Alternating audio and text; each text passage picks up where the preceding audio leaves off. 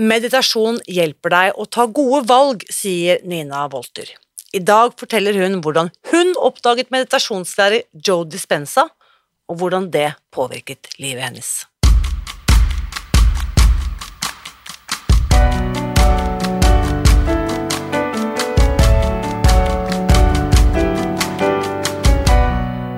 Mitt navn er Irina Lie. Jeg er journalist og forlegger, gründer og sosial entreprenør. I 2015 spiste jeg meg fri fra overvekt og fedme etter å ha slitt med vekt, kropp og følelser i nesten 30 år. Etter at jeg knakk koden, ga jeg meg selv et nytt oppdrag – å dele denne kunnskapen med alle som trenger det. I denne podkasten kan du derfor høre hele lydboken Spis deg fri. Den finner du ved å bla deg tilbake i arkivet og lytte til første sesong. Hver uke inviterer jeg nå gjester som gir deg påfyll til hodet, hjertet og magen. For min visjon er å endre Helse-Norge, og det får jeg ikke til alene. Du bidrar ved å abonnere på podkasten, skrive en omtale i iTunes og tipse meg om hvem jeg burde invitere hit. Da setter vi i gang med ukens episode. Hvis du har hørt på denne podkasten gjennom høsten, så har du helt sikkert fått med deg at jeg har snakket mye om meditasjon og Joe Dispenza. Det er ingen tilfeldighet, for kunnskapen og teknikkene jeg har lært meg etter at jeg oppdaget Joe Dispenza i fjor sommer, har faktisk endret mitt liv. Jeg ble faktisk så begeistret at jeg kjøpte de norske rettighetene til en av hans mest populære bøker, som på norsk vil få tittelen Bryt vanen med å være deg selv, og min klare ambisjon det er å gi ut denne boken før året er over. Og i forbindelse med dette arbeidet har jeg altså laget en lukket kursgruppe hvor jeg har eh, invitert inn ulike Joe Dispenza-entusiaster for å dele sine erfaringer. Det er ikke for sent å bli med, tvert imot, du kan lese mer og melde deg inn ved å gå til brytvanen.no. Og en av de du treffer inni denne gruppen, er altså Nina Wolter, som du også skal få møte i dag. Her er ukens gjest.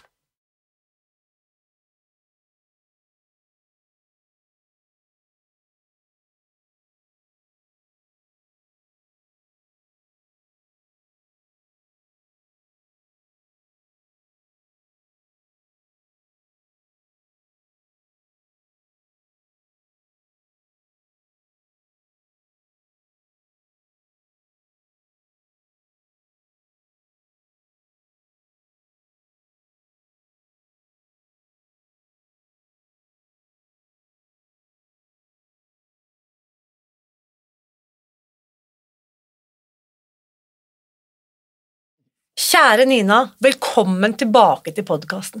Takk skal du ha. Fantastisk å se deg. Og vi, helt uten å ha avtalt, så vi, er vi matchende i fargene. Bare tuna inn på vibesa. Ikke sant? ja. Det er blitt høst, det er en stund siden du har vært her sist, og mye har skjedd. I hvert fall i mitt liv, og jeg er ganske sikker på at mye har skjedd i ditt liv òg. Og jeg må bare si først, da, for de som ikke kjenner deg, så må vi jo anbefale at de må høre på den forrige podkasten når du var her, om sjelens mørke natt. Stemmer det. Og den blei jo mørkere da vi begynte å snakke om det. Jeg hadde jo det bruddet i sommer. Stemmer det. Stemmer det! Det var jo før det. Det var akkurat som en sånn warm-up til hva som skulle ta meg hele sommeren. Så det har vært en mørk, mørk natt gjennom sommeren også? Jeg har hatt en veldig mørk natt gjennom sommeren. Veldig tøff. Jeg datt Altså sånn rett utafor eh, døra mi hjemme. Eh, en hel sånn slakktrapp. Jeg skjønner fremdeles ikke hvordan det var mulig. Jeg tror av og til så er det noe spirit som detter og dytter oss eller noe, så vi skal gå gjennom noe. Og da brakk jeg skulderen, og det var så vondt, og jeg lå i seks uker i senga. Jeg, hadde, jeg har to soverom oppe i annen etasje på den lille øya jeg bor, så jeg gikk fra ene til andre senga og sov i 20 timer i døgnet. Vi trenger ikke å bruke så mye tid på det, men det var veldig interessant, og det var en total reset, altså. Total. Men det er akkurat dette, for mm. det, det, første gang jeg snakket med deg, det var bare veldig kort tid etter at dette bruddet hadde skjedd, så var du allerede i det hva Du søkte lærdommen. Hva er det denne grufulle hendelsen skal lære meg? Mm. Og der, det er dette mindset, bevissthet, det er det som vi skal snakke om i dag. Ja. Ja. For fortell, fordi Grunnen til at jeg inviterte deg, jo, er jo sant, vår felles venn, må vi si. Ja. Dr. Joe Dispenza. Absolutt. Så nå er det bare uker og dager til boken hans kommer på norsk. Fantastisk. Det gleder mitt hjerte veldig. Jeg har vært superfan av han ganske lenge. Ja, Fortell, Mm. hvordan møter du Dr. Joe Dispenza, og hva er din inngang til hele dette feltet, da, for å kalle det det? Nei, det er jo helt klart noe som heter serendip... Nei, jo, det vet jeg 100% Første gang jeg kobla med Joe Dispenza, da hadde jeg kjøpt en DVD i London som het What the Bleep Do We Know. Og den var akkurat kommet ut, det var veldig spesielt. Dette her var lenge før det var så populært på YouTube og alle de tingene. Jeg er ikke sikker på hvem år. Var det 2004 jeg lurer på eller noe, tror jeg? 2004. Ja, så 2004, da kobla jeg på der. Og da, jeg fikk nok ikke noe supervibes på han med en gang, men jeg husker veldig godt hva han snakket om. Han snakket om den bønnen om at eh, Gi meg et tegn om at du har hørt min eh, bønn, eh, ikke sant? Et, et eller annet sånt noe, som jeg ikke forventer gjennom den morgenmeditasjonen. Han sa det, og det husker jeg veldig godt, det satte seg veldig fast. Det um, med synkronitet, ikke sant, at gi meg et tegn til at eh, du har uh, Altså noe som ikke jeg forventer, sånn at jeg vet at det er noe der ute. Det var vel det som var første. Og så tok det nok lang tid før jeg kobla meg på han, og jeg husker ikke helt settinga, egentlig. Jeg tipper at det kanskje dukka opp på Facebook, YouTube, et eller annet sted, og da blir jeg veldig Jeg blir veldig sånn hopper. Da Du, bare går, du går all in. Jeg går all in. Du kanskje skjønner at jeg er akkurat Ja, likedan. ja, så da, sånn, da var det han for alle penga, og jeg brukte jo masse Jeg har brukt masse hans guidede meditasjoner, har vel kjøpt uh, veldig mange av bøkene hans, vært på retreat, vært uh, og Altså, han var en veldig, veldig viktig del av livet mitt veldig, veldig lenge. Nå, jeg, nå, nå må jeg si at jeg bruker han en del, og så bruker jeg også en del stille meditasjon, vipassana-meditasjon. Eh, Jeg tror at det går i bølger, at vi kommer inn, og så er det noen For å snakke på det bruket som du snakka om, med felt, da, så tror jeg det er noen som kommer inn da, og så virkelig hjelper oss å åpne det feltet. Og så handler det hele tiden om å lytte til hjertet. Men jeg må legge til at det jeg elsker med Dr. Joe, det er jo Jeg elsker mystisisme. Jeg elsker, elsker, elsker å lese de gamle klassiske tekstene, alt fra Johannes av Korset tilbake til Sjelens mørke natt, ikke sant? Han var jo en mystiker, han skrev jo den boka. Gammel kristen mystiker. Teresa Avila. Jeg studerte med Caroline Myss i tre år i USA. Jeg fløy jo fram og tilbake til Chicago med henne. Så den, myst, altså den mystisismen har vært veldig sånn, og der kommer plutselig Joe, nå kjenner jeg begynner nesten å grine, og han tar mystisisme og moderne vitenskap og meditasjon og kobler det sammen. Så det blei jo halleluja, for å si det mildt. Fordi dette er jo for noen som på en måte kanskje ikke har ennå stukket tåen ut i Ja. dette Hva vannet. mystisisme er, ja, det kan jeg si litt enkelt om. Mystisisme er Altså, hvis du tenker på Nesten alle religioner har eh, også en del av seg som er mystisisme. Eh, I islam så har du suf sufismen. Mange som sier at de var altfor ekstreme, så de lagde en liten sånn subcategory som de gikk inn. Kristendommen har jo den kristne mystikerne, i buddhismen så har du også mystisisme. Altså, du har alle ting. Men den viktigste forskjellen, det er at eh, dette Hvis du går langt tilbake i tid, så satt de jo og hørte Guds ord og tok det inn, og det var liksom eh, eh, imanen eller presten eller var det var de som hadde den connection med Gud. Men en mystiker har en direkte opplevelse av Gud. Og da kan vi jo, hvis det er folk som er litt Det er jo blitt i dag noen som har nesten litt sånn allergi på ordet Gud, så kan du jo si da the true spirit, your highest self. Altså, du kobler deg rett og slett rett på energien, fremfor da å skulle gå via en eller annen annen. Som tolker det for Ja, deg. Mm. ja. Så noen bruker jo Dr. Joe snakker også mye om universet. Ja. Eh, energien. Eh, kvantefeltet. Jeg, ja. jeg tenker at det er så enkelt som at dette er et felt som er så stort at det finnes ikke ord for det. Sånn at det finnes mange Vi prøver å forklare det litt. Men jeg tror også veldig, og det snakka vi litt grann om, det der med The mind can't go there. Jeg husker, jeg, leste, jeg studerte mye av hun Teresa Avila, var en kristen mystiker fra levde på 800-tallet. eh, som sa alltid You can't bring, your mind there. Ikke sant? Så vi kan ikke tenke oss til det. Og det er jo akkurat det som er så vanskelig. Og dette er spesielt vanskelig, for jeg vet jo denne podkasten har jo alt. Kvinner, menn, unge, gamle, akademikere og hele og andre var det motsatte, praktikere, holdt jeg på å si.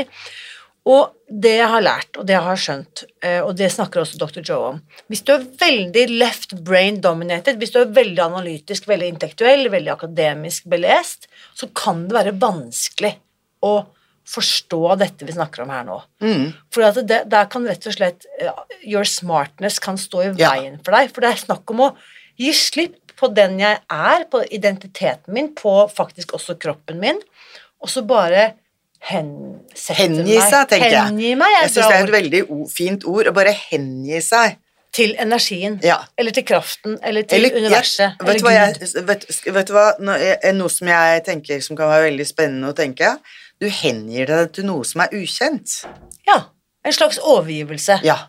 Og du kan ikke vite det, du kan sette ord på det, men du kan ikke vite det allikevel, for du har ikke opplevd det. Men samtidig så er jeg overbevist om at alle mennesker har hatt mystiske opplevelser. Vi opplever det når vi er i altså Det kan være en seksuell akt, du, er, du ser rett inn, eller du er i en sånn kjærlighetsrelasjon, så ser du rett inn i øya på noen. Du kjenner at eh, du selv smelter bort. Du kan stå og se en soloppgang. Jeg tror alle som har opplevd å føde barn og se det Og nå begynner å grine, og det der barnet altså Du ser inn i øya til det nyfødte barnet. Altså, det er en mystisk opplevelse. Du opplever det. André Bjerke, nå fikk jeg bare lyst til å hoppe inn. Han Ja, har det jo så vakkert dikt som han skriver selv. Selv eh, Kjernefysikk blir Atomkraft og kjernefysikk Det er noe sånt blir pusling i puslespill når det nyfødte barn med et eneste blikk beviser at Gud er til. Og nå får jeg gåsehud. Ikke sant? Og det er det du ser Det er den følelsen, og den kan vi Nå tror jeg vel at det er veldig vanskelig å leve med den 24-7, men vi kan øve oss på å få mer og mer tilgang til den. Og det handler om å gi slipp på tankene mine. Ja. Og da tenker jeg kanskje første steget er å ikke tro alle tankene. Istedenfor å kjempe mot dem, og det snakka jo jeg litt med deg om, Irina. Det fiksinga. Ja. Jeg skal fikse Nei, jeg har negative tanker, jeg skal fikse dem til positive tanker, men det er samme tankekjøret. Istedenfor å bare, sli, altså bare tenke Bare se på det og si Er dette sant? Fikk jeg lyst til å ta inn en annen dame som jeg har brukt egentlig en god del, som heter Baron Katie. Har du vært borti hennes Ja, vet work? Så morsomt. Jeg satt og så på henne i går. Altså, du må Ok, på hjemmesiden til Byron Katie så Ja. har hun en video. Jeg sendte den til to gode venner i går. Det er veldig morsomt at du skulle bringe opp henne. Vi er bare i samme ja, bare helt, ja. Hun har altså en video, den ligger på YouTube, tilgjengelig for alle, eh, også på hjemmesiden hennes, som heter The Morning Walk. Som er en fire minutters liten invitasjon til å ta en gående meditasjon om morgenen. Den har jeg faktisk ikke sett. Den den må se. du rett og slett- Jeg har truffet henne. Du har truffet henne? Ja. For et fan... Bare ved å se Hun henne bor på i Ojai oppe i California. Altså to, det er et sted som heter Ojai, jeg vet ikke Ja. om du har hørt om det? Eh, Det er to timer fra Los Angeles oppe i California, Yes. oppe i fjellene Er der. ikke da. det veldig sånn spirituelt sted? Veldig, veldig. Da han eh, Hva var det han het? Han Krishna Nei, ikke Krishna Das. Krishna Murti bodde jo der, og det er masse, masse sånne ting. Så jeg går i butikken sammen med venninna mi, hun venninne som bor der, og så sier jeg «Du, Er det Byron Katie? Ja, ja, hun bor rett der borte, så jeg måtte bare gå bort til henne og snakke med henne. Så jeg bare, ja, Hun var kjempesøt. For et nydelig vesen. Ja, Ja. men du skulle få si Du skulle hoppe øh, Jo, ja. det som jeg begynte med da, med Byron Katie altså, Jo, med tankene. Hun har jo den utrolig enkle løsningen når vi begynner med det tankekjøret. Yes. Bare stoppe opp og si Er dette sant? Er dette sant? Er det virkelig sant? Istedenfor da å si Nei, nå er det en negativ tanke, nå må jeg bytte den ut med en positiv tanke, og så begynner du med hele det styret, og så bare stoppe opp og trekke pustene. Er dette her sant? The work. Så, så jeg syns jo hun bare har virkelig bidratt til Og det er så enkelt. Det er liksom, og det tror jeg også, Irina. Sannheten er enkel. Hvis det er de superkompliserte metodene, så tror jeg, veit jeg ikke hvor bra Nei, de virker. nettopp. Det skal være enkelt. Det skal være enkelt. Og vi har jo mange Vi har jo avdekket det for lenge siden, Nina, at du og jeg følger jo mange av de samme lærerne og mange av de samme hva skal vi si, inspiratorene. Og nettopp dette her med Du er ikke dine tanker, du er tenkeren av dine tanker. Ja. Det snakker også og Joe Dispenza Ja. om. ja. Så dette har jeg jo også snakket om tidligere. Når vi kommer ut av det tankekjøret som er beta, bevisstheten her Ja. nå, så kan vi tappe ned på disse andre hjernenivåene. Ja. Alfa, teta, delta. ja. Og uh, der kommer vi nærmere den mystiske viben, ikke Yes. sant? Tilbake til det, da. Så jeg tenkte at denne episoden her kan vi rett og slett kalle 'Når du slutter å fikse'. Bra. Ikke sant? For dette har jo vi snakket mye om. Mm. For hva er det som åpner seg da, når vi hengir oss? Det er jo det vi ikke vet, og det er jo det som er magisk. Mm. For da åpner, jeg tenker at sannheten åpner seg. Kunne du fortalt om noen konkrete eksempler og opplevelser fra ditt eget liv? Du snakket jo mye om dette i forrige episode òg, men Ja. kanskje sånn hvordan du helt konkret har brukt meditasjonen for å løse ting, eller komme gjennom Sånn som i sommer, for eksempel, med armbruddet som du Vet du hva, det må jeg bare innrømme. Det er jeg liker å være 100% autentisk og ærlig. I sommer når jeg lå der i seks uker, så jeg har, en, jeg har jo jobba med dette her i 25 år. Jeg har en største kassa med verktøy. Jeg orka ikke gjøre noe. Jeg Nei. bare lå og grein og, og sov. Og det tror jeg at kroppen min bare trengte å rense ut hele Ja. greia. Så jeg, jeg rett og slett henga meg til uh, den enorm sorg som jeg hadde inni meg, som jeg ikke visste. Jeg trodde jeg hadde fiksa det. Men det, ja. Men etterpå så begynte jeg jo med det igjen, og jeg har jo brukt det veldig, veldig mye. Jeg har jo vært Jeg, jeg kan heller ta eksempel i fjor Jeg bor jo Nå drar jeg om en drøy uke, så drar jeg til Sri Lanka, for jeg bor jo der på vinteren, og så er jeg i Norge på sommeren. Så jeg har bare et sommerhus. Men i fjor så skulle jeg være hjemme i Norge mye lenger fordi at min mor skulle ha en operasjon, og jeg sa jeg skulle være med henne. Og jeg bor jo fantastisk på sommeren. Eh, Det er jo spennende å være der på vinteren, men det er veldig utfordrende, for jeg er jo aleine på øya. Akkurat nå nå snakka jeg med naboen min når jeg dro ut nå, og da er det vel var fem hus som det var ut, folk på ute på øya nå. Og når det begynner å komme snø, så er det jo ingen. Eh, Så for at jeg For jeg bestemte meg for at hvis jeg skal trives og ha det ålreit nå, så må jeg gjøre noe. Og da satt jeg og mediterte. Jeg mediterte tre timer om dagen. Brukte jeg mye Joes meditasjoner. Og det blei helt magisk. Det blei helt sånn åh, lyset Altså, jeg var i ett med naturen. Det var helt, helt uh, annerledes. Men jeg visste det, at enten så kan jeg gå og tenke fy fader, jeg er i Norge, det er kaldt, uff, livet suger, jeg vil egentlig ikke være her. Eller så kan jeg bare gjøre en skikkelig innsats. Og da får jeg ta i bruk det. Og her tror jeg, eh, jeg, jeg liksom, en, en, en del av hjernen min sier sånn tenker på lytterne som sitter og hører dette her. Uh, Tre timer om dagen. tre timer om dagen! Hvem i all verdens navn har tid til det? Ok, da skal jeg gjerne si det. Hvor lenge Hvis du har det kjempedårlig Og det kan jeg. Jeg skal ikke gjøre meg at jeg ikke kan gjøre det, men jeg gjør det Det begynner å bli borte nesten. Hvor lenge sitter du og scroller på Facebook? Hvor lenge sitter du og søker her og der på nett? Hvor mye sitter du og ser på TV? Hvor mye sitter du og mater deg med negativ? Og, Yes. og, og særlig, det tror jeg kanskje er noe av det eh, mest utførende ved å sitte på de der sosiale mediene og Instagram og alle de tingene der. Jeg liker jo TikTok òg, må jeg bare si. Jeg digger TikTok, men jeg, jeg, jeg kan bli addict på alt, så jeg bare vet at på båten, når jeg tar båt, da kan jeg tillate meg TikTok. Ja. Hvis ikke så sitter jeg og scroller sånn, det kan jeg gjøre, og uansett hvor mye jeg har meditert, så kan jeg falle i den fella. Men jeg kjenner meg selv, sånn at jeg setter opp de litt reglene for meg. Mm. Men altså, du kan jo begynne å ta klokka, så kan du se hvor mye Ja. du gjør på det.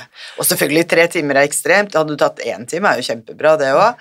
Men jeg bare visste med meg selv at jeg skal ikke sitte der og scrolle på Instagram og 'Å, fy fader, de har sånn selskap, jeg sitter ute og har alt mulig'. Jeg visste at det, er så lett. Det kommer misunnelse, det kommer sånn og misunnelse er jo et ord vi gjerne, gjerne ikke vil snakke om engang, ikke sant, men da kommer det et eller annet Om det ikke kommer misunnelse, så er det ofte litt sånn dømming, der er dem, der er dem, og her sitter jeg. Så isteden, bruk den tida. Og det tror jeg også Det var interessant, jeg hadde en samtale med en venninne, for jeg uh, har jo logget av Instagram. Så jeg er jo der med jobb, men uh, jeg er ikke lenger på Instagram. For det var min store tidstyv, oppdaget jeg.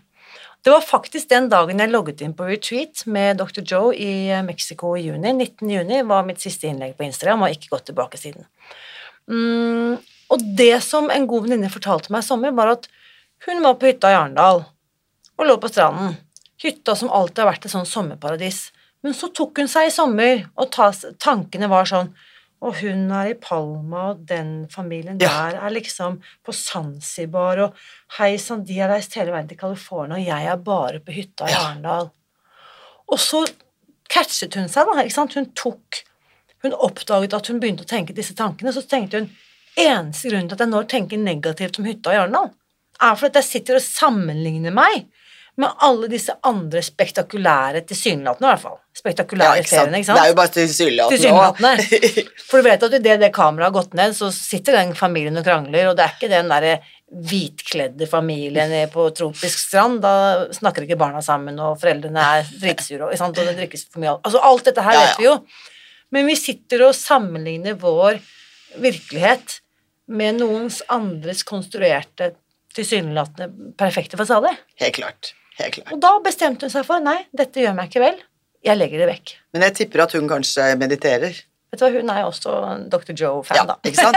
Og akkurat det, akkurat det du sier der, Ina, det er at jo mer du mediterer, jo mer kan du catche. Yes. Du, kan, du bli- blir ikke dratt inn i det.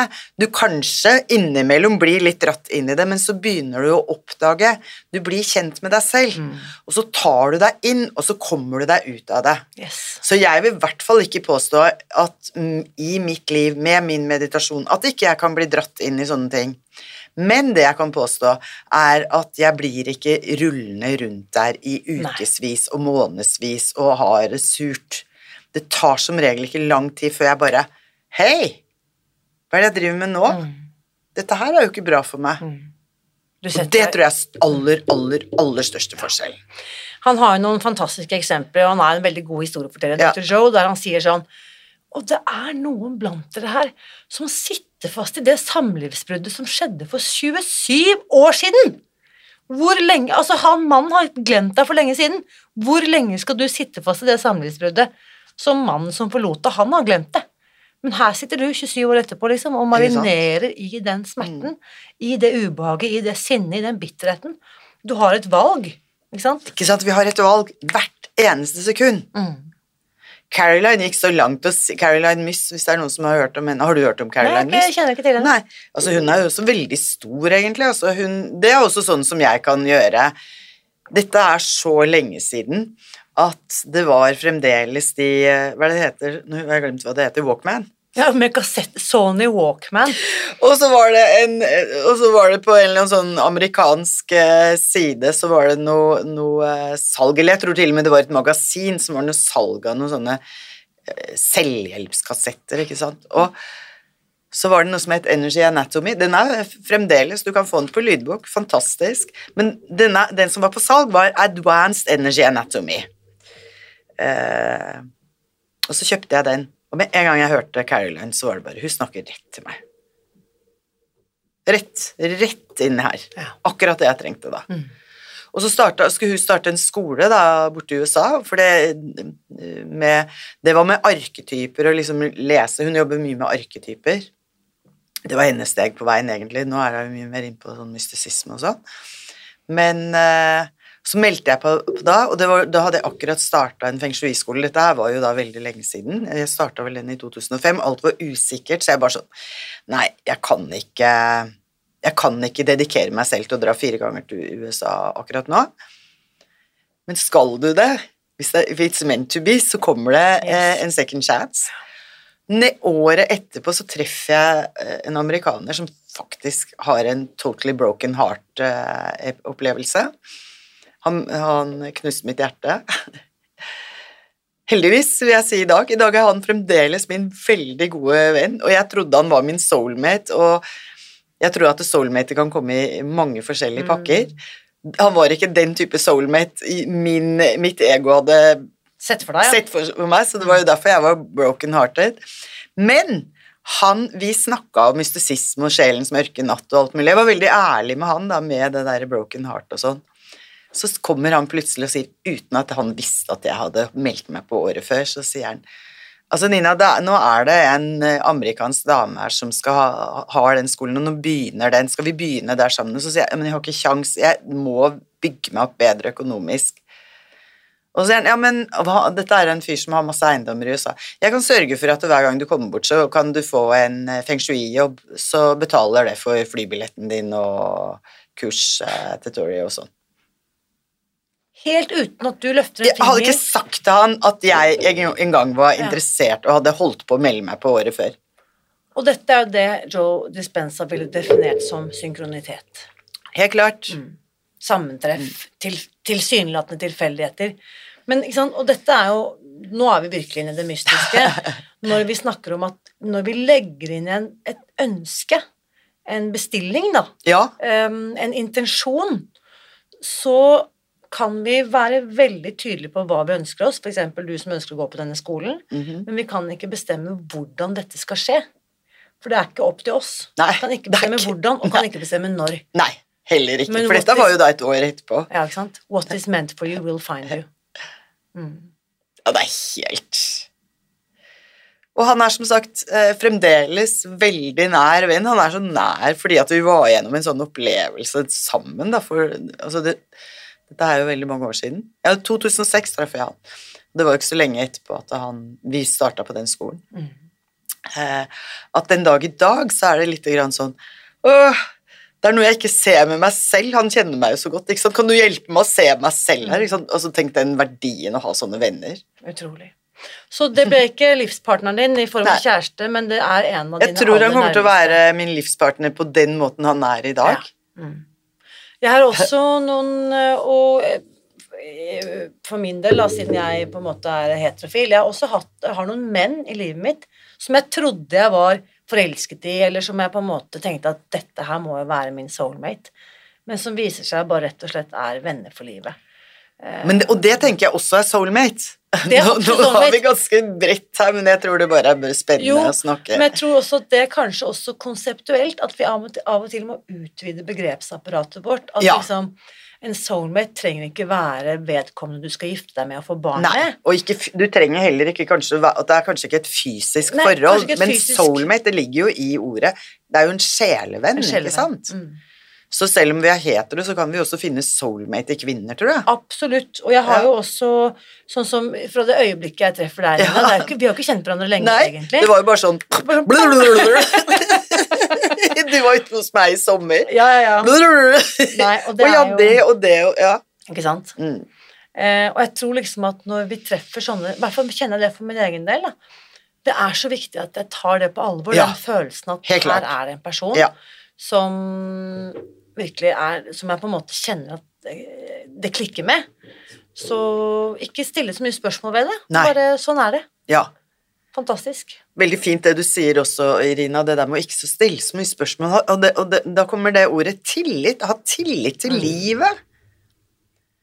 Og så tror jeg da mange ganger, eksempel ta det eksempelet med han som broke my heart totally, så er det veldig lett kanskje å tenke at eh, Nei, nei, dette var helt feil, og uh, ikke bryte totalt for du har en broken heart. Istedenfor å være nysgjerrig, åpen og tillit. Det er fantastiske Mm. ord å ta med seg i hverdagen. Vi snakket jo om, Sist vi møttes og Mm. tok en lunsj, så snakket vi om verdier. Ja, Og jeg har jobbet mye med verdier. Men Mm. nå jobber jeg da øh, eh, på nytt gjennom disse verdiene Ja. eh, på et annet program jeg følger. Og i går rykket ordet tillit til toppen av min liste. fantastisk. Hvilken, spørsmålet jeg fikk, var hvilken verdi, hvis du navigerer etter den verdien, vil endre ditt liv radikalt? Og da skjønte jeg at for at jeg bærer med meg så mye mistillit, Ja. Um, så tenkte jeg hvis jeg tør å Apropos hengi meg. Hvis jeg tør å navigere etter tillit, da tror jeg at det vil skje mirakuløse ting i mitt liv. Jeg er ganske sikker på det. Det er jeg ikke i tvil. Jeg er ikke i tvil om uh, tillit også. Jeg også må jo si at uh, de gangene det stormer uh, i mitt liv, og jeg blir litt out of alignment, for å si det sånn, så er det helt klart opp. det kommer litt sterkt med. Da har jeg ikke tillit. Hvis jeg har tillit, så veit jeg jo at, nest, at dette er bare et Og livet er jo masse trappetrinn. Mm. Livet er masse trappetrinn. Ja. Det er jo ett steg av gangen. Og Og de går ikke alltid bare opp. nei, de gjør ikke det, altså. De gjør ikke det. Av og til så går vi ned, og av og til så går vi opp. Og av og til så trenger vi jo det. Men jeg vil jo legge til også at eh, av og til så går vi jo kanskje ned og blir der nede for lenge. Ja. Så lenge som vi trenger, da. Så lenge som vi trenger det, men jeg tror Det er jeg enig i, Irena, men jeg tror vel kanskje at det, Jeg skal snakke meg selv. Eh, kan være litt langt nede i hvert fall tidligere, enn jeg hadde trengt. Jeg husker jeg, når jeg snakka om sjelens mørke natt i forrige podkast, så tror jeg jeg snakka vel en del om min skilsmisse og alt det. Og når jeg ser tilbake nå, så fikk jeg så masse tegn på at jeg burde ha flytta, i hvert fall Altså, jeg kunne spart meg selv for et par, par års lidelse. Men jeg, var, jeg hadde ikke tillit nok til min intuisjon, for å si det helt enkelt. Hadde jeg hatt mer tillit til min intuisjon, så hadde jeg sluppet et par år lidelse. Og her kommer vi igjen til meditasjonen. Ja. Fordi det daglige møtet jeg har med Ja. meg selv Åh, det er jeg- så fint du sier. Ja, ikke sant? Og det er i, på mine mest tekniske dager, når jeg tenker sånn Dette har jeg ikke tid til. Herregud, ikke sant? morgendagen, ikke sant? agendaen er tettpakket. Kan jo ikke stå opp klokken fire heller. Så tenker jeg sånn Nei, det har jeg ikke tid til. Men jeg kan ta 15 minutter. Akkurat! Jeg kan ta 15 akkurat, minutter. Akkurat. Um, en av de meditasjonene jeg ofte vender tilbake til, finnes gratis på, på YouTube. Dr. Joe sin Golov 20. Den veit jeg ikke hva er. Den altså, skal jeg en, se. han lanserte den under korona, så det er Go Love. Altså det var på en måte Go to Love Ah, 2020. ja. Så Golov, G-O-L-O-V 2.0. Den kan du søke opp. Ja, det den tar jeg gjøre. 15 minutter. Ja. Det er en av de vakreste, mest powerful, Mm. kraftfulle meditasjonen jeg vet om. Eh, Og den har jeg alltid tid til. Ja. Hvis, hvis jeg påstår Ja. noe annet, så er det løgn og bedrag. Ja. så, men poenget mitt er at det, når jeg kobler meg på meg selv da, Mm. hver dag, så er det akkurat dette med intuisjon nå. Magefølelsen blir så mye sterkere. Helt klart. Helt klart. Trenger ikke å lure så mye. Trenger Mm. egentlig bare kjenne etter. Ja. Og det gjør at jeg slipper å ligge nede i bunnen på den Ja. der nederst i den trappen i Mm. fosterstilling og synes synd på meg selv. Jeg trenger ikke være der i to år. Nei. Kanskje det holder med et par dager, da. Ja. Ikke sant? Caroline pleide alltid å si 'Give yourself a good cry on earth school, and then move on'. Give yourself a good cry on earth school, And then move on. and then move on. Jeg syns det er egentlig litt bra. Så fordi Spis deg fri-sammenheng, nå kommer jeg på det, for at der er det jo også sånn Folk tenker av og til at vi må gjøre det perfekt, og hvis ikke så får jeg det ikke til, og da Mm. Ja. klarer jeg det ikke. Men ikke sant, det er jo rett og slett at alle kommer til å spore opp et eller annet tidspunkt. Alle havner i grøften, Ja. ikke sant? Ja. Og så er det egentlig bare spørsmålet her hvor lenge velger jeg å bli der? Ikke sant? For jeg vet jo hva som funker, jeg vet jo hvordan det føles å bære på veien og fortsette frem. Ja. Men det er opp til hver enkelt. Hvor lenge velger jeg å bli liggende i grøftekanten? Ikke sant? Mm. Og det er jo akkurat samme Jeg har jo også hatt en Det snakka jeg om i forrige podkast, at jeg har jo hatt en historie med alkohol. Jeg har jo 24 år uten alkohol nå. Det er så bra. og det Altså, det er nummer én. Det er nummer én. Det er nummer én i livet mitt. Mm. Helt klart. Og for å si det sånn, hvis jeg skal fly rundt og drikke meg full, så tror jeg ikke jeg får meditert så mye. Nei, Da sitter jeg og syns synd på meg selv. Mm. Eh, Det gjør jeg. Og det er jo akkurat samme parallellen om du velger alkohol eller sukker. ikke sant? Så hvis du går inn der Men det går an å stoppe, pause, og ta en dag av gangen igjen. Mm. Det er alltid mulig. Mm. Mm. Du kan alltid det. Men jo lenger nedover i grøfta du kommer, jo vanskeligere er det å komme seg oppover der, da. Selvfølgelig. Ja. Og det er vel uh, igjen det vi også snakker om, og som Joe uh, Dispenza snakker mye om, at vi blir kjemisk avhengig av et liv vi ikke engang liker. Ikke sant? Og som vi ikke ønsker. Vi vil ikke ha det, og så blir vi addikta på det. Ja. Og addiction er vel kanskje en av de største utfordringene. Snakker om scrolling her, snakker om alt. Alt er jo egentlig addiction, det er en avhengighet. Mm. Addiction til stress. Addiction til å føle seg mindre bra enn. Mm. Addiction til eh, ikke sant, skam. Addiction til å ha rett. Til addiction til å ha rett. Så alt dette skaper kjemiske prosesser i kroppen vår som vi faktisk kan bli kjemisk Mm. avhengig av. Ja. For det, kroppen skaper jo like mye drugs av seg selv, nesten. Yes. Som, og det har jeg faktisk her i balansekalenderen. Ja, ja, der har det er så bra du sa, for at det, i dag kommer du med denne som Ja. Når denne podkasten sendes, så er jo den tilgjengelig overalt. Men dette Ja. er nå et av de aller, aller første eksemplarene. Det er det fra første prøvetrykk. rett fra prøvetrykk. Og, Men det jeg har lyst til å ta fram der, bare sånn Ja, men først må Ja. vi fortelle hva Ja. balansekalenderen er. Fordi det er ikke alle som nødvendigvis kjenner til dette konseptet som du har holdt på med gjennom flere år. Ja. Fortell, hva er Jeg skal fortelle hva balansekalenderen er. Den bygger Altså, min Jeg har jo hatt mange jobber. Eh, en av de jobbene jeg har hatt som har vært veldig lenge, er jo med feng shui. Jeg studerte feng shui og kinesisk astrologi med disse her store gutta i Hongkong og Singapore og sånn. Og jeg hadde jo min egen feng shui-skole, det hadde jo jeg i ti år, så jeg jobba jo med det i 15 år. Jeg har hatt nettkurs på feng shui òg. Det bygger på de fem elementene, og det er jo da som igjen bygger på ikke læren om naturen, men å lære av naturen. I Norge særlig, som er et land som er, har veldig ekstreme forskjeller på sommer og vinter, så trenger vi forskjellig mat.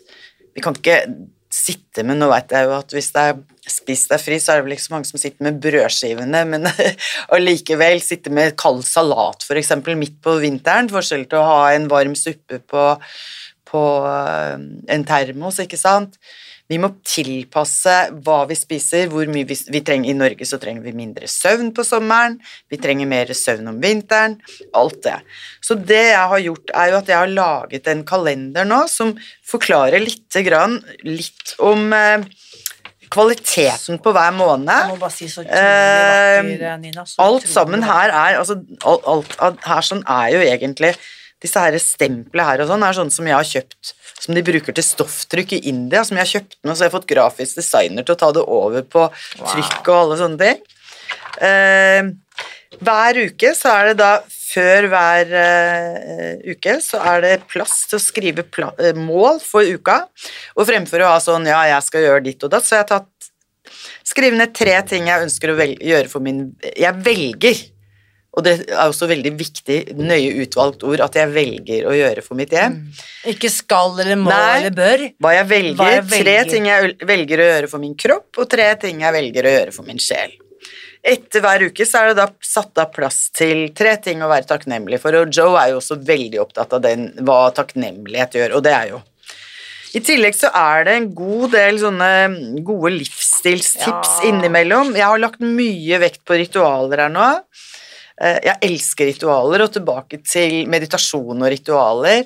Nå er ikke alltid jeg får gjort det heller, men jeg har jo veldig sånn ritual jeg, når jeg skal sette meg ned og meditere Ja, om morgenen. det. Jeg Mm. tenner en røkelse.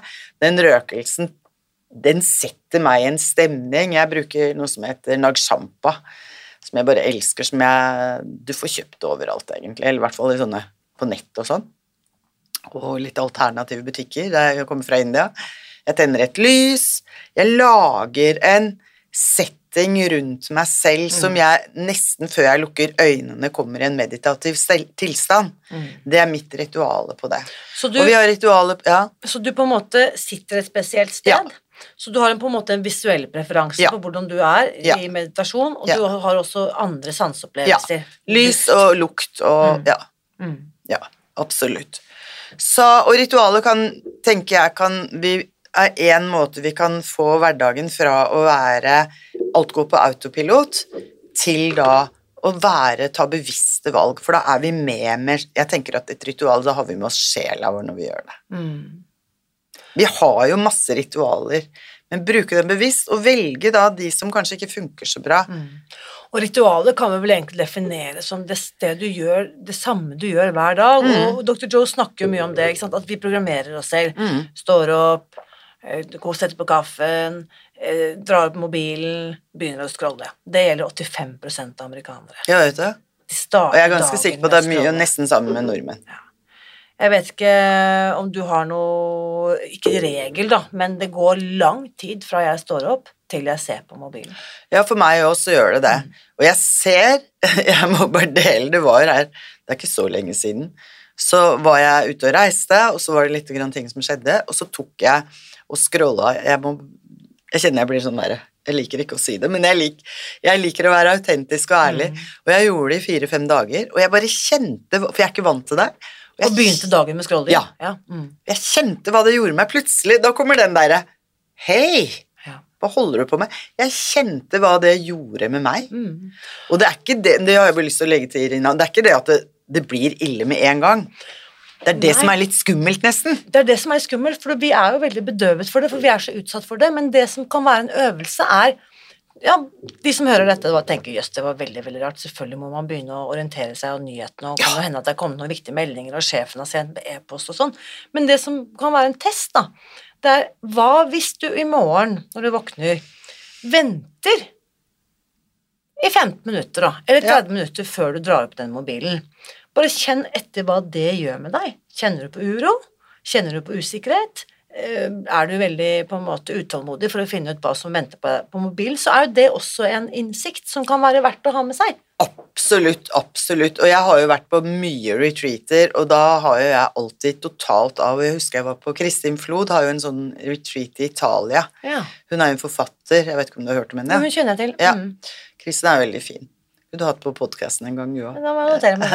Veldig, veldig fin, altså. Veldig herlig dame. Men jeg husker jeg var på stillhetsretreat med henne i Italia, i et sånn katolsk kloster, som jeg bestemte meg da at jeg ikke skulle på telefonen. Det er lenge siden. Og jeg husker så godt at jeg hadde helt abstinenser. Mm. Og jeg er vant til Jeg er vant til å skru av mobiltelefonen gjennom dagen. Mm. Sånn at når jeg har vært på kurs og sånn, så går jeg ikke og sjekker. Det var liksom, det var en rutine jeg hadde på. Mm. Men når det var over, og jeg skulle gå på rommet mitt på kvelden, da Ja. uh, Full pakke. Og jeg hadde liksom Jeg hadde tatt moren min da og så sagt det Vi hadde gitt telefonnummeret til Kristin til moren min, sånn at hvis noen det var katastrofe i den nærmeste familien Når jeg var, jeg klarte å være borte i fem dager, og etter hvert så syntes jeg faktisk det var deilig. Men de første par-tre kveldene var helt Ja. sånn derre Fikk nesten ikke puste. Dette har jo ikke jeg fortalt deg ennå, men jeg planlegger faktisk et retreat. Og arrangerer et retreat sammen med to gode venner i Sverige som skal hete Mobilfri. Nice. Ja. Så da skal jeg invitere deg, Nina. ja, herlig. Men, ja, men Men tilbake til her, fordi Ja, jeg har nemlig har vi, er et, Ja. et av de mange tingene som du har skrevet om i denne Jeg skriver jo veldig masse her. Jeg legger inn mye gode livsstilspust. Det som er ja, Her ser du FOMO, fear of missing out, Fear ikke of sant? missing out. Den er Eh, Men nå hvor jeg har lagd den Vent, jeg tror jeg har det her. Nå har jeg lagd en innholdsoverfortegnelse. Skal vi se Det på side 201. Babi sabi ser jeg også bare et Ja, da, det nydelig. pusten. Og Fantastisk. det skal jeg jo bare si også litt grann om hvorfor det er Men her, skjønner du, her har jeg skrevet noe som er veldig Ja, nå er veldig det på side 201 for de som måtte eh, sjekke opp dette senere. Den heter da Velg dine følelser. Mm. Og her Hjernen vår er en kjemifabrikk som lager hormoner som påvirker humøret. Vi kan selv velge hva slags cocktail vi vil ha ved å endre atferd og tanker. Endorfiner er eurofihormonet som bekjemper smerte og gir velvære, ofte kjent som løperens rus, etter trening. Men latter og litt mørk sjokolade kan også booste det. Trenger du oppmuntring, trening, latter og mørk sjokolade kan være svaret. Nå vet jeg ikke om dere spiser sjokolade. Er det sånn ikke sjokolade? Selv om det er sukkerfritt òg? Ja, ja. ja. Men Neida. eh, det er akkurat som med alkohol med meg, det. Men ja. Men det Ja, jeg Og så må jeg bare Så det, Ja, ja, tar jeg les, les Og så tar jeg bare på slutten, da. Om vi forstår disse hormonene, kan vi ta bedre valg for å føle oss bra. Det er som å være Dette er så bra. Det er som å være mesterkokk i egen kjemifabrikk. Vet du hva, dette er så genialt. Og det, dette er jo helt i tråd med alt det dr. Joe har lært meg. Ja. Fantastisk. Velg dine følelser. Det var nesten en enda bedre tittel på denne episoden, føler jeg. Ja, velg. Ja, hvorfor Ja. ikke? Eh, Når du slutter Ja. å fikse, eh, så kan du velge dine følelser. Ikke sant? Du sa rett før vi startet opptaket, og jeg stoppet deg, for jeg sa dette får du ikke lov til å fortelle om før jeg startet opptaket. Du har sagt, eh, Nina, at meditasjon har endret hele ditt liv. Ja, og jeg en indre overbevisning som jeg har, er at meditasjon er kanskje første steget på løsning på absolutt alle problemer. Jeg har en veldig god venninne på Sri Lanka. Hun er buddhist, veldig opptatt av buddhisme. altså det er en familie som har bodd i, Hun er fra Sri Lanka, men hun, det er en familie som har bodd i USA i mange år. De har veldig, gjort det veldig bra borti der. Hun var jo liksom sånn project manager på Google og eh, Yahoo og alle de der på 80-tallet, ikke sant. Altså når alt Wow. vokste der oppe. Så veldig spennende dame. Så de har jo et eget barnehjem i eh, Colombo som de, altså familien bruker penger for. De er veldig opptatt av sitt karma, da, at de skal få et bedre liv neste gang. Det er jo det buddhismen De er veldig opptatt av det. Men når jeg snakker med henne, for hun er ikke like dedikert til meditasjon som meg, og det ser jeg veldig ofte på de buddhistene på Sri Lanka, er ikke det. Og grunnen til det er jo litt, tror jeg, at det er litt sånn som veldig mange som er i statskirka her. Vi går i kirka på, Ja. på julaften, og så jo, så er det vel en del som er litt sånn i den kirka, da. Litt, jeg tror du skjønner hva jeg mener. Yes. Men det er ikke den dedikerte hvor mye er dem til bønn og går inn i det daglige. Mm. Eh, og jeg, når jeg snakker med henne, og hun tror jo veldig altså Det er så deilig å snakke med henne, da, for vi er på samme vibe når det gjelder meditasjon. Og det er sånn Ok, vi kan ikke bestemme Vi kan virkelig ikke bestemme. Vi kan velge våre følelser. Vi kan ikke bestemme om vi skal bli kjempesyke. Vi kan ikke bestemme om det skal skje en ulykke. Vi kan ikke bestemme om Uansett hvor bra vi jobber, så kan vi gå konkurs, vi kan få dårlig økonomi, alle de tingene. Men én ting som kan hjelpe til med alle de litt negative tingene som kan skje i livet vårt, for det veit vi ikke, det er meditasjon. Og det er jeg ikke i tvil om. Og er det én ting, det tenker jeg er den beste pensjonsforsikringa mi, det er meditasjon. For jeg veit da søren om jeg sitter der og må sitte på et gamlehjem og øh, være klar i huet, og folk er kokeliko rundt meg, og kroppen ikke funker, og det veit jeg ikke. Det har jeg ingen garanti for. Men hvis jeg har lagt den grunnlaget for meditasjon i dag, så kan jeg sitte og oppleve da den slutten av livet mitt på en helt annen måte. Og jeg hørte på Hvem var det jeg hørte på? Jo, jeg hørte på en podkast, veldig bra podkast, husker jeg ikke hva det var engang. Men det var en, en Jeg er veldig opptatt av det longevity, altså, og, og, og det, jeg er ikke opptatt av at jeg ikke skal bli gammel. Men jeg er opptatt av at jeg vil ha et godt, så godt liv jeg kan så lenge jeg lever. Yes. Det er det, og derfor er jeg veldig mye og lytter mye til de longevity-tingene. Mm. Og han, eh, det var en lege som sa egentlig, uansett hvor gammel du er, tenk på hvor, how do you like to live your last decade of your life? Fantastisk. And that you need to have start Altså, da må du begynne å skape det Ja. grunnlaget nå. Og i familien min så blir vi steingamle. Eh, moren min er snart 90. Eh, tanta mi døde, hun var jo nesten nesten 100, hun var vel nesten 99 når hun døde her. Onkelen min og er, Faren min døde av kreft da han var 84 år, da, men de er liksom sånn Ja. Andre tanta mi er 94, så, så de blir veldig gamle, så jeg tenker kan godt hende at min last decade er mellom 90 og 100 Altså det er at jeg blir 100 år, 90-100 år. I dag eh, er jeg 63. Jeg må begynne å legge det grunnlaget for hvordan jeg vil da leve fra jeg er 90 til 100 år. Det kan være magisk, og jeg kan være den wise old lady som kanskje har unge folk som kommer og ønsker råd fra meg, eller jeg kan sitte som en bitchy kjerring. Det, Det må jeg begynne med i dag. Jeg kan ikke begynne med det. Så om du er 80 år og lytter til det, så kan du begynne nå. Men jo før du begynner, jo bedre er det. Og da tror jeg disse teknikkene vi har snakket om her i dag, mm. å velge mine følelser, praktisere takknemlighet, ha noen gode ritualer, en daglig meditasjonspraksis, Ja. det tror jeg er virkelig oppskriften Ja, på det gode Helt klart. Og tilbake til alle, det er jo masse spis deg fri-folk her. For å ikke bli så frista til å gå da, selv om jeg har skrevet om mørk sjokolade så, og, og, og alt annet. Meditasjon hjelper deg å ta gode valg. Mm. Det hjelper deg å ta vare på deg sjøl og ta de gode valga. Mm.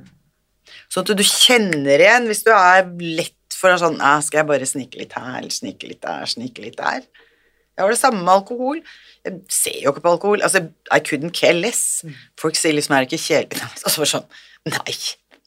Men det jeg har lyst til bare sånn For før hver måned da, så ah, skriver jeg litt om kvaliteten på måneden.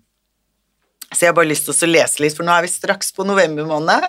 Og litt hva, hva som kommer der, er det greit? Absolutt. Eh, dette er da for november måned, og jeg bruker jo da de fem elementene. Så vi er kommet inn i vannets tid, vinterens energi, en periode hvor naturen går inn i hvilefasen, som er en viktig pause for oss alle. Det er en tid for å slappe av, være stille og lytte til vår indre visdom som ligger dypt forankret i oss alle. Livet er fullt av lyder.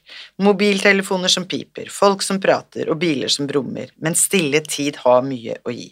Det er som å gå på skattejakt i deg selv. Å gå dypt inn i ditt indre mørke er litt skummelt, ja, men det er der du finner ditt indre lys som skinner sterkest når alt rundt deg er mørkt. Det er som å finne en skinnende eh, perle på havets bunn, og for å finne den perlen må du være stille.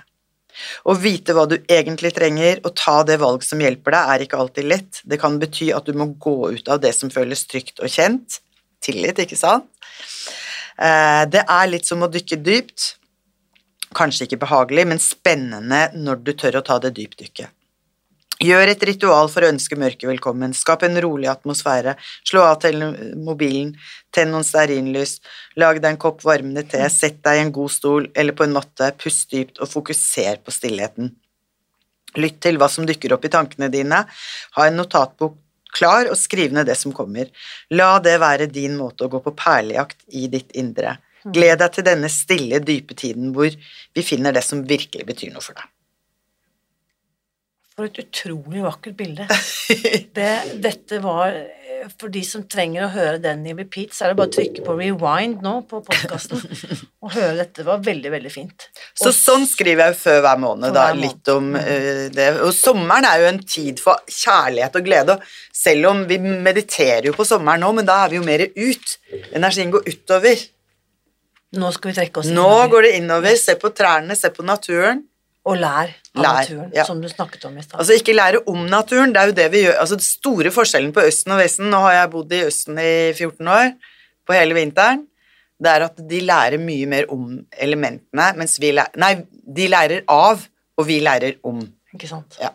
Så for de som eh, nå tenker at den kalenderen, den skal jeg ta, få tak i De kan hvor, forhåndsbestille den med en gang. Den er ferdig. Det jeg begynner å sende ut fra 1. Og hvor er det vi finner deg hen? Da går du på ritualsoftea.no. Rituals of Tea. Ja, fordi at jeg skal ned på Sri Lanka og lage et temerke som heter Rituals of Tea. Men du hadde den andre nettsiden din nå, Nina Wolter. .no, men den peker til butikken da, hvis du går der. Så, men du kan finne deg på ninavolter.no også? Hvis du går på ninawolter.no, så ligger det en sånn meny der til ja, nettbutikk. Da kan man også ja. bestille ved lagskalenderen. Ja, Eller gå da til Rituals of Tea. Ja, og der kommer det masse spennende teer fra januar. Du vet at jeg står først i køen. ja, ja, absolutt. Jeg skal sende prøve. Du, du skal få være prøvesmakeren. Ja, ja, ja. Hva, det skal vi også faktisk Jeg skal invitere deg tilbake neste år, Nina, og så skal vi snakke om te. Ja. Fordi det er mye, mye mer enn det folk flest skjønner. Eh, oss to tedrikkere imellom. Ja. Men du, Nina. Eh, tiden flyr, altså. Og ja. nå er det, når dette sendes, så er det jo blitt november, så den siste teksten der, den var helt perfect eh, timing. Og så vil jeg bare si tusen, tusen takk for at du deler så mye av dine erfaringer, kunnskapen din og bare tilstedeværelsen. Mm. Tusen takk. Og det er alltid hyggelig å komme her med deg, Irina. For å komme en gang til, da begynner det å bli et ritual, vet du. Tredje gang, ikke sant? og, og, sånn siste ting som jeg har bare lyst til å si. Om du tar fem minutter om dagen, så er det sykt Med meditasjon så er det sykt mer enn ingenting. Rett og slett. Fantastisk. Godt tips. Veldig, veldig stor forskjell. Og jeg vil kanskje anbefale som en sånn start Vær litt streng, ta det heller kortere og ha lyst til å gjøre mer enn motsatt. Veldig bra. ikke sant? Start der. Start med fem minutter og tenke 'Å, jeg hadde lyst til å sitte litt til'.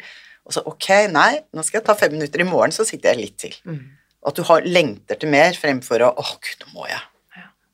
Tusen takk for gode tips. Ok, tusen takk.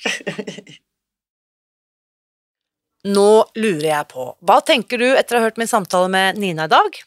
Samtalen etter ukens episode fortsetter som vanlig i den åpne Facebook-gruppen Spis deg fri, så bli med over dit og del dine tanker og takeaways etter å ha hørt dette.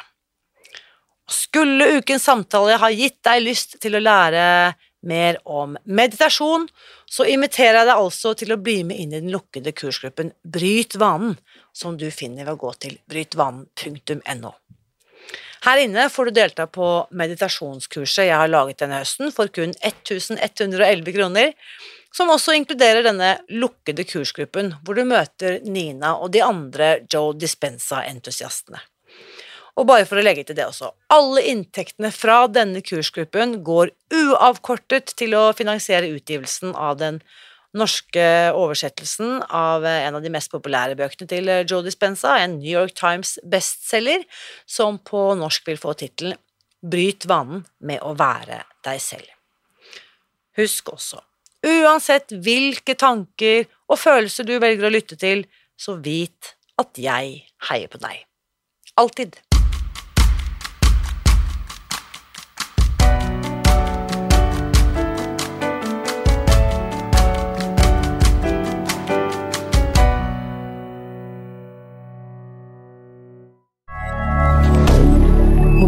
Moderne media.